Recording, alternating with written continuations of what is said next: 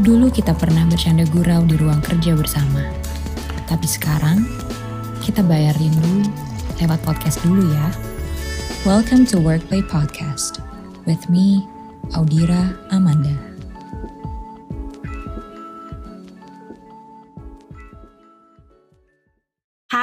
Teman workplay, apa kabarnya? Hari ini mau ngomongin hal tentang mempersiapkan anak kita menjadi seorang kakak. Nah, ada nggak di sini teman workplay yang lagi expecting, yang mungkin mempunyai anak kedua, ketiga, atau keempat mungkin?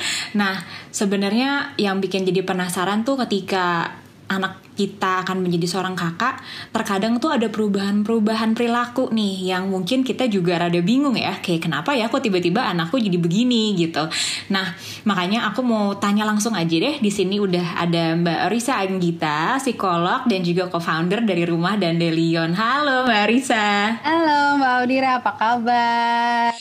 baik, baik. Uh, belum puasa nih ya sekarang ya Mbak Risa ya? Puasa insya Allah, iya. Semoga lancar ya. Amin, thank nah, you. Mbak Risa, aku pengen nanya nih, apalagi Mbak Risa anaknya udah tiga ya, pasti pengalamannya udah sudah lebih cukup nih daripada aku gitu. Aku pengen nanya nih, um, kalau misalnya kita punya anak lagi gitu ya gimana sih caranya kita mempersiapkan uh, sang kakak untuk uh, kehadiran si calon adik ini. Nah yang kayak aku juga rasakan kok aku merasa ada perubahan perilaku ya dari anakku yang pertama. Nah sebenarnya apa aja sih mbak yang mungkin anak kita alami gitu ketika mau ada hadir calon adik ini Iya, uh, sebenarnya ini juga bertahap tergantung misalnya dari uh, usia kehamilan kita sudah berapa gitu ya dan usia anak hmm. pertama kita tuh juga udah berapa gitu kan. Hmm. Nah biasanya itu kalau misalnya uh, dibilang untuk mempersiapkan, uh, biasanya aku akan lebih saranin kita persiapannya mungkin menunggu itu uh, ketika sudah lewat trimester pertama gitu ya. Uh, okay. Kenapa gitu? Sebenarnya mungkin lebih uh, resiko keguguran biasanya kan sudah uh, berkurang ya ketika sudah di mm -hmm. Uh, lewat trimester pertama, kemudian biasanya juga perutnya sudah mulai terlihat sedikit membesar mm -hmm. nih kalau misalnya sudah lewat uh, trimester apa udah lewat trimester pertama ya, udah memasuki kedua mm -hmm. ketiga sehingga lebih konkret gitu untuk anak-anak terutama kalau misalnya si kakak ini juga masih balita Ya, gitu kan. Jadi mereka harus ada pemahaman yang lebih konkret gitu. Terus oh ya bisa uh, merasakan uh, halus perut uh, mama gitu ya. Udah mm-hmm. mulai merasakan gerakannya juga. Jadi lebih konkret buat dia pengalaman nyatanya juga gitu. Sama biasanya kalau udah mendekati semester 2 semester 3 itu juga sudah mendekati hari lahir gitu ya. Di mana anaknya udah mm-hmm. lebih kadang mau punya adik terus mana adiknya kok nggak datang-datang gitu iya. kan. Jadi um, nah uh, kadang hal-hal seperti itu juga uh, perlu kita pertimbangkan sih untuk pertama kali kita ngasih tahu kapan dia mau jadi kakak gitu kan. Nah, Mm-mm. Ketika kemudian mau jadi kakak nih, reaksi anak-anaknya juga berbeda sih. Artinya Uh, ada yang mungkin excited banget, atau mungkin Mm-mm. ada yang mau uh, justru minta gitu ya, kayak aku mau ade gitu kan. Mm-mm. Atau ada yang masih sebelum kayak enggak aku nggak mau gitu. Terus mm-hmm. kenapa nggak mau? Nah biasanya kalau seperti itu uh, kita balik lagi aja kasih pengalaman uh, bertanya gitu ya, terutama untuk anak-anak yang uh, sudah memang cukup verbal untuk diajak diskusi. Oh, emang kalau yang kamu pikirkan kalau ada adik itu seperti apa gitu. Jadi hmm. uh, instead of kita langsung tanya kenapa nggak mau punya adik itu kan enak loh gini gini gini misalnya. Itu hmm. lebih baik kita kita uh, bertanya dulu kita yang melihat dalam pikiran dia itu seperti apa sih memangnya gitu kan kalau dijawab kan hmm. misalnya mama nggak sayang aku lagi misalnya nah hmm. tapi kalau udah seperti itu kita juga punya tanda kutip nih kayak kalau dia ngomong seperti itu ada tahu dari mana ya gitu kan ada pikiran itu tuh datang dari mana ya apakah mm-hmm. dia pernah dengar ucapan temennya atau dia pernah ngeliat mungkin sepupunya yang udah punya banyak adik terus jadi lebih jarang main atau seperti apa itu harus diajak ngobrol terlebih dulu gitu dengan um, hmm. si kakak. Nah, Mbak Audrey sendiri kan sekarang juga lagi expecting ya? Iya. lagi expecting. Dia sempat ngobrol-ngobrol sama kakak. Udah sih, cuma memang itu bener kata Mbak Risa juga di awal dia juga agak bingung uh, gimana maksudnya gitu karena kan mungkin belum ada bukti konkret ya karena perutnya masih kecil gitu-gitu kan. Jadi akhirnya karena juga pandemi kan aku nggak bisa bawa anakku untuk uh, ikut visit ke dokter kan. Jadi akhirnya aku kasih lihat foto-foto uh, apa USG. Cuma mungkin juga dibuat dia ini gambar apa gitu kan. Dia juga bingung ya. Jadi akhirnya memang waktu yang paling tepat menurut aku benar kata Mbak Risa ketika aku udah masuk trimester 2, perutku udah mulai kelihatan gitu ya. Gerakan dari adiknya juga mungkin udah udah mulai visible gitu ya kalau nendang-nendang gitu. Jadi dia juga jadi lebih paham oh ada adik gitu. Nah, Mbak Risa, tapi aku penasaran nih karena banyak juga yang cerita ke aku gitu ada perubahan perilaku dari anaknya misalnya kayak kok ada kemunduran ya? gitu. Kok tiba-tiba kayaknya anakku jadi manja banget lagi? Atau mungkin ada yang lumayan kelihatan gitu ya misalnya kok uh, kayak bayi lagi sih? Atau mungkin ada yang uh, maaf ya ada yang ngompol lagi gitu. Jadi benar-benar nyari perhatian orang tuanya. Nah itu mungkin gak sih mbak? Dan apa ya yang bisa orang tua lakukan gitu? Ya, ya bisa memang terjadi seperti itu karena uh, yang namanya perubahan itu uh, bis, merupakan situasi yang bisa menimbulkan stres sebenarnya gitu ya atau menimbulkan hmm. ketidaknyamanan, kecemasan, stres atau itu tergantung intensitasnya ya gitu. Tapi hmm. uh, itu perubahan besar gitu. Kalau misalnya ibaratnya hmm. kalau um, dia yang pertama kali terutama ketika menjadi kakak gitu ya, terus kemudian nanti hmm. dibilang akan ada adik, um, dia bisa mungkin kalau misalnya kita analogikan itu ibaratnya kayak suami mau ngomong ntar aku ada uh, apa yang baru ya yang datang gitu kan itu kan hmm. ada ya tanda kutip kita juga bisa ngerasa kayak ah gitu kan terus hmm. uh, apakah nanti dia akan tetap perhatian sama aku terus kemudian harus berbaginya itu seperti apa hmm. ada kecemasan-kecemasan yang mungkin terjadi nah uh, ketika anak merasa cemas ini bentuknya bisa banyak um, yang muncul gitu ya bisa jadi mm-hmm. tidur bisa tadi jadi mungkin jadi mengompol lagi jadi mm-hmm. tadinya sudah mandiri jadi klingi lagi gitu ya mm-hmm.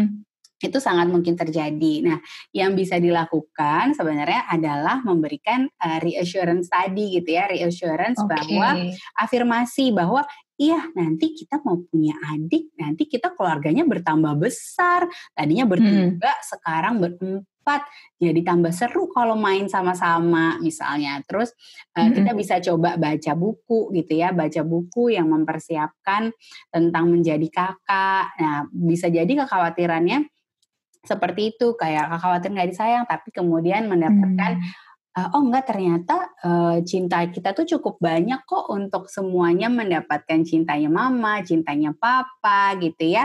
Uh, mm-hmm. Itu kita justru semakin bertambah, uh, nggak semakin berkurang gitu. Nah itu juga okay. uh, memberikan afirmasi seperti itu. Kita bawa I love you all the same gitu ya. Mm-hmm. Bahwa mm-hmm. mungkin memang nanti uh, akan ada waktu-waktu adik butuh lebih digendong dibanding kakak gitu ya karena adik mm -hmm. itu nanti memang kalau masih bayi itu masih belum bisa untuk makan sendiri, belum bisa mandi sendiri, uh, belum bisa jalan sendiri gitu. Nanti jadi kakak bantu mama ya nanti buat um, merawat adik itu Uh, hmm. bisa kita hmm. sampaikan afirmasinya, tapi memang kita juga bisa sambil um, mengajarkan juga, misalnya kalau kamu lagi ngerasa cemas, uh, kita bisa kok sama-sama yuk kita uh, latihan, misalnya uh, hmm. tips meredakan kecemasan ya, gitu kayak hmm. misalnya hmm. uh, tetap untuk kita ajarin bernafas, gitu, kemudian atau kita ajarin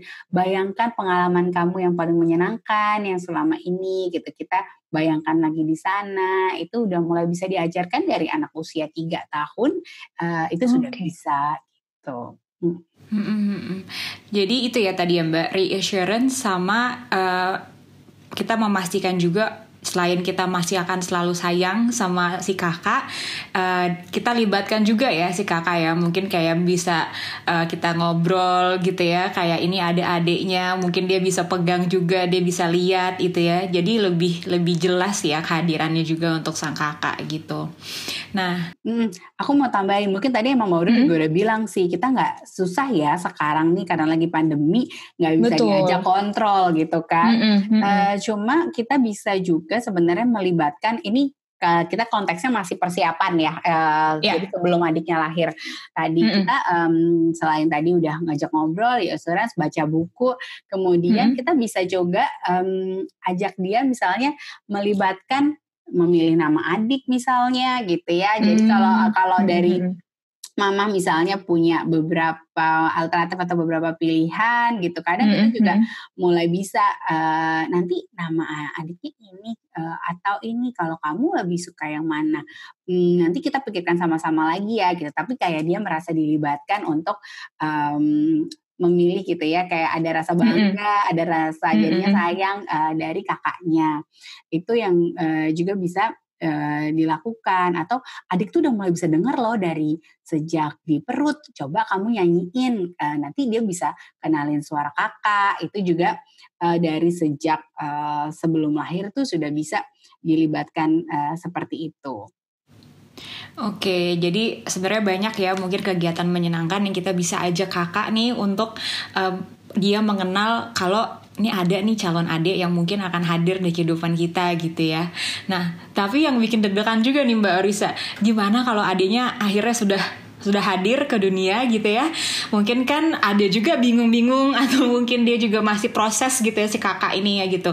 Nanti kita gimana ya cara uh, ngenalinnya gitu yang nyaman kak ke si kakak nih Nah, biasanya ini juga uh, aku bilang kalau misalnya kita mau mengenalkan pertama kali ketemu gitu ya, mm -hmm. uh, biasanya kan nih kakak itu tanda kutip biasa lebih posesif sama ibu atau sama mama yeah. biasanya. Uh -uh untuk hmm. pertama kali ketika perkenalan ketika adiknya sudah lahir hmm. uh, mungkin kalau sekarang di rumah ya jadinya karena nggak bisa kunjungan hmm. ke rumah sakit gitu kan karena hmm. lagi pandemi anak biasanya nggak hmm. boleh diizinkan tapi kalau bisa pas lagi perkenalan ya entah entar situasinya seperti apa lagi ketika lagi perkenalan itu kalau bisa eh, adik bayinya digendong tidak sama ibu gitu. Jadi oh, misalnya okay. kenalkannya digendongnya sama ayah gitu ya atau misalnya sama hmm. nenek atau tidak lagi hmm. dalam kondisi menyusui. Kalau misalnya anaknya belum disapih. Hmm. Karena biasanya yeah. uh, itu yang tanda kutip kayak jealousnya ya teritorinya dia yang terambil gitu loh oh, yang udah iya, iya, iya, banget iya. kan yang paling jelas seperti itu gitu ya biasanya mm -hmm. gendong mama mm -hmm. ini sekarang mama gendongnya adik biasanya disusui mm -hmm. aku terus ini sekarang nyusuinnya adik gitu nah jadi mm -hmm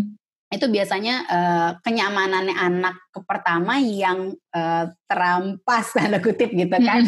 Kayak pertama kali uh, kayak seolah diambil adik tuh biasanya itu. Jadi lebih dikenalkan dalam situasi yang cukup netral Uh, hmm. Jadi kayak ini uh, udah pulang gitu kan. Ya ini adiknya namanya ini coba ya disayang gitu kan sama-sama. Hmm. terus uh, ajakin dia uh, untuk uh, bermain bersama juga. Nah, bermain ini juga perlu dilihat karena biasanya um, kadang-kadang sebenarnya mereka ingin main tapi terus kitanya yang terlalu khawatir kan kayak nanti mm -hmm. apa gitu. Mm -hmm. Karena mereka pikirnya memang mainnya mereka yang udah seperti ini sementara kalau adik bayi kan masih harus hati-hati. Jadi iya.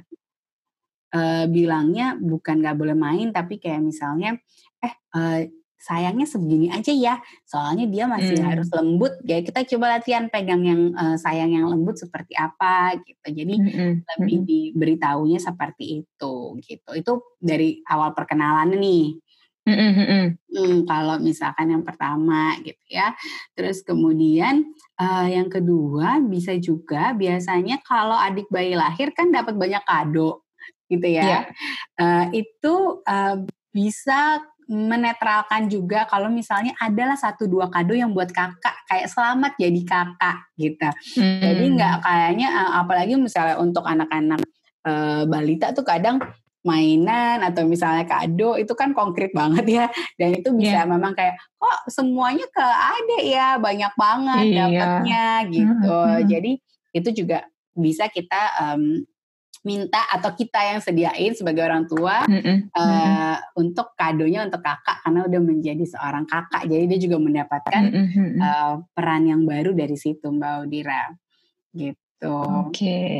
Mm -mm, sebenarnya ada beberapa lagi nih. Nah kemudian mm -hmm. juga uh, sebisa mungkin kita pertahankan rutinitas justru rutinitas kakak dulu. Jadi misalnya okay. um, karena perubahan besarnya kan juga di kakak gitu ya yang kayaknya butuh mm-hmm. adjustment emosionalnya tuh uh, penyesuaian mm-hmm. emosinya banyak banget yang harus diadaptasi bayi baru iya sih tapi bayi baru uh, sebenarnya kan kebutuhan biologisnya terpenuhi selama dia sudah menyusu kemudian Betul dimandikan gitu ya, digantikan popok. Hmm. Nah, uh, jika memungkinkan ada rutinitas-rutinitas kakak yang sebisa mungkin, misalnya rutinitas malam hari nih, uh, hmm. kayak uh, ganti baju, sikat gigi, baca buku gitu, atau tidur itu tetap misalnya dengan uh, mama atau papa gitu ya. Jadi ada rutinitas-rutinitas yang uh, tetap dipertahankan gitu hmm.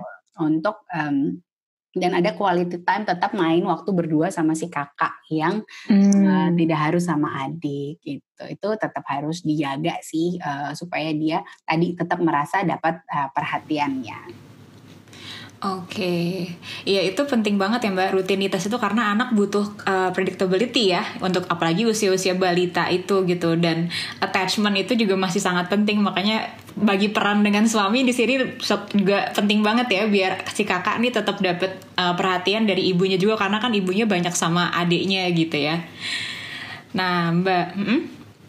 aku punya pertanyaan terakhir nih mbak Risa ada nggak sih kira-kira red flags gitu ya yang mungkin kita perlu orang tua perlu waspadai gitu dari perilaku kakak yang mungkin bisa muncul gitu dengan um, apa kehadiran adiknya ini ada nggak sih hal yang kita tuh perlu evaluasi gitu yang perlu kita uh, bicarakan dengan ahli gitu menurut mbak Arisa gimana? Uh, kalau misalnya tadi kan adjustment itu uh, kita perlu melihat kurang lebih kasih waktu sekitar enam bulan gitu ya uh, untuk kita okay. melihat. Jadi kalau misalnya uh, kita juga tadi anak aja jadi lebih klingi atau lebih mm -hmm. uh, kayaknya lebih susah lepas. Di satu mm -hmm. sisi kita juga perlu expect itu terjadi gitu ya. Okay. Uh, maksudnya uh, ya jangan tiba-tiba kadang karena kayak gini kadang-kadang uh, saya kadang selalu bilang ketika kita menyiapkan si kakak menjadi kakak, kita juga hmm. menyiapkan dia atau tidak gitu ya. Artinya atau hmm. kemandiriannya. Sometimes, hmm. sometimes kita ketika udah jadi kakak, tiba-tiba tuntutan kita pun ke kakak jadi lebih besar gitu loh. Kayak Betul. misalnya, kan kamu udah jadi kakak, uh, udah dong hmm. makan sendiri, udah dong ini sendiri hmm. gitu.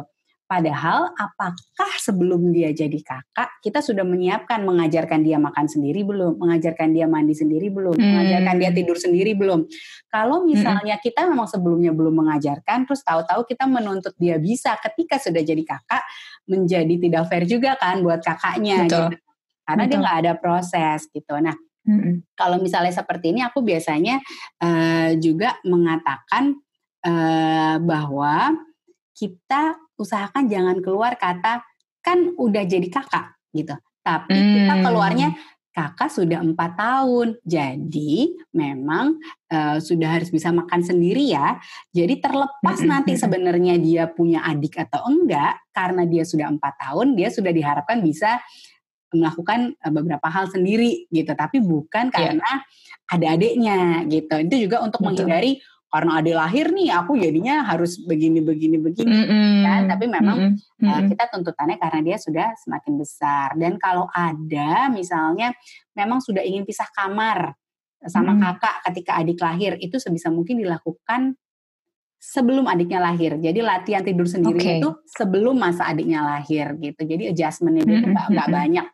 Karena kadang-kadang ada juga anak-anak yang excited punya adik karena dia nggak kepikiran akan segitu berubah kehidupannya. Itu yeah. juga ada. Mm-hmm. Itu kan baru beneran mm-hmm. terasa ketika ada adiknya datang uh, sudah ada di rumah gitu. Jadi tapi kalau uh, ibu merasa uh, anaknya sudah um, ya memang kesulitan gitu ya jadi hmm. tantrumnya jadi sering banget atau jadi agresif banget. Uh, atau bisa tadi tuh mengompolnya jadi cukup sering gitu ya hmm. kalau misalkan memang uh, sudah me, sudah menurut ibu, ibu juga udah kewalahan nih sebagai orang tua, itu tidak ada salahnya konsultasi gitu. Jadi kadang-kadang tidak ada batas waktu tertentu ya uh, kapan okay. kita harus walaupun tadi aku bilang biasanya adjustment tuh kasih anak waktu enam bulan deh gitu ya. Tapi mm -mm. ketika belum enam bulan, tapi dari orang tuanya juga sudah merasa uh, cukup kewalahan menangani, uh, itu mm. lebih baik lebih baik ya langsung konsultasi dibanding menunggu permasalahannya jauh menjadi lebih besar gitu.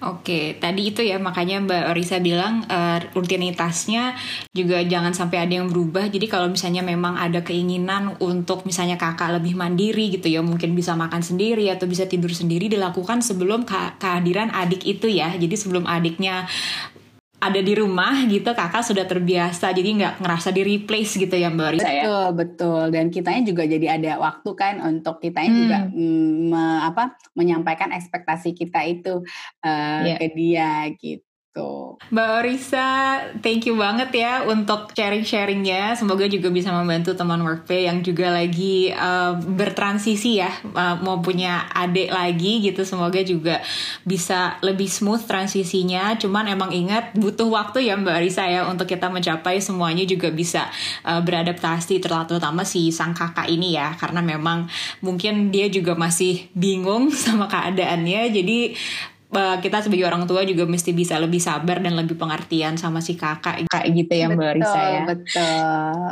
Thank you banget ya Mbak Risa. Sama-sama Mbak Audila. lagi ya. Bermanfaat. Bye. Dadah.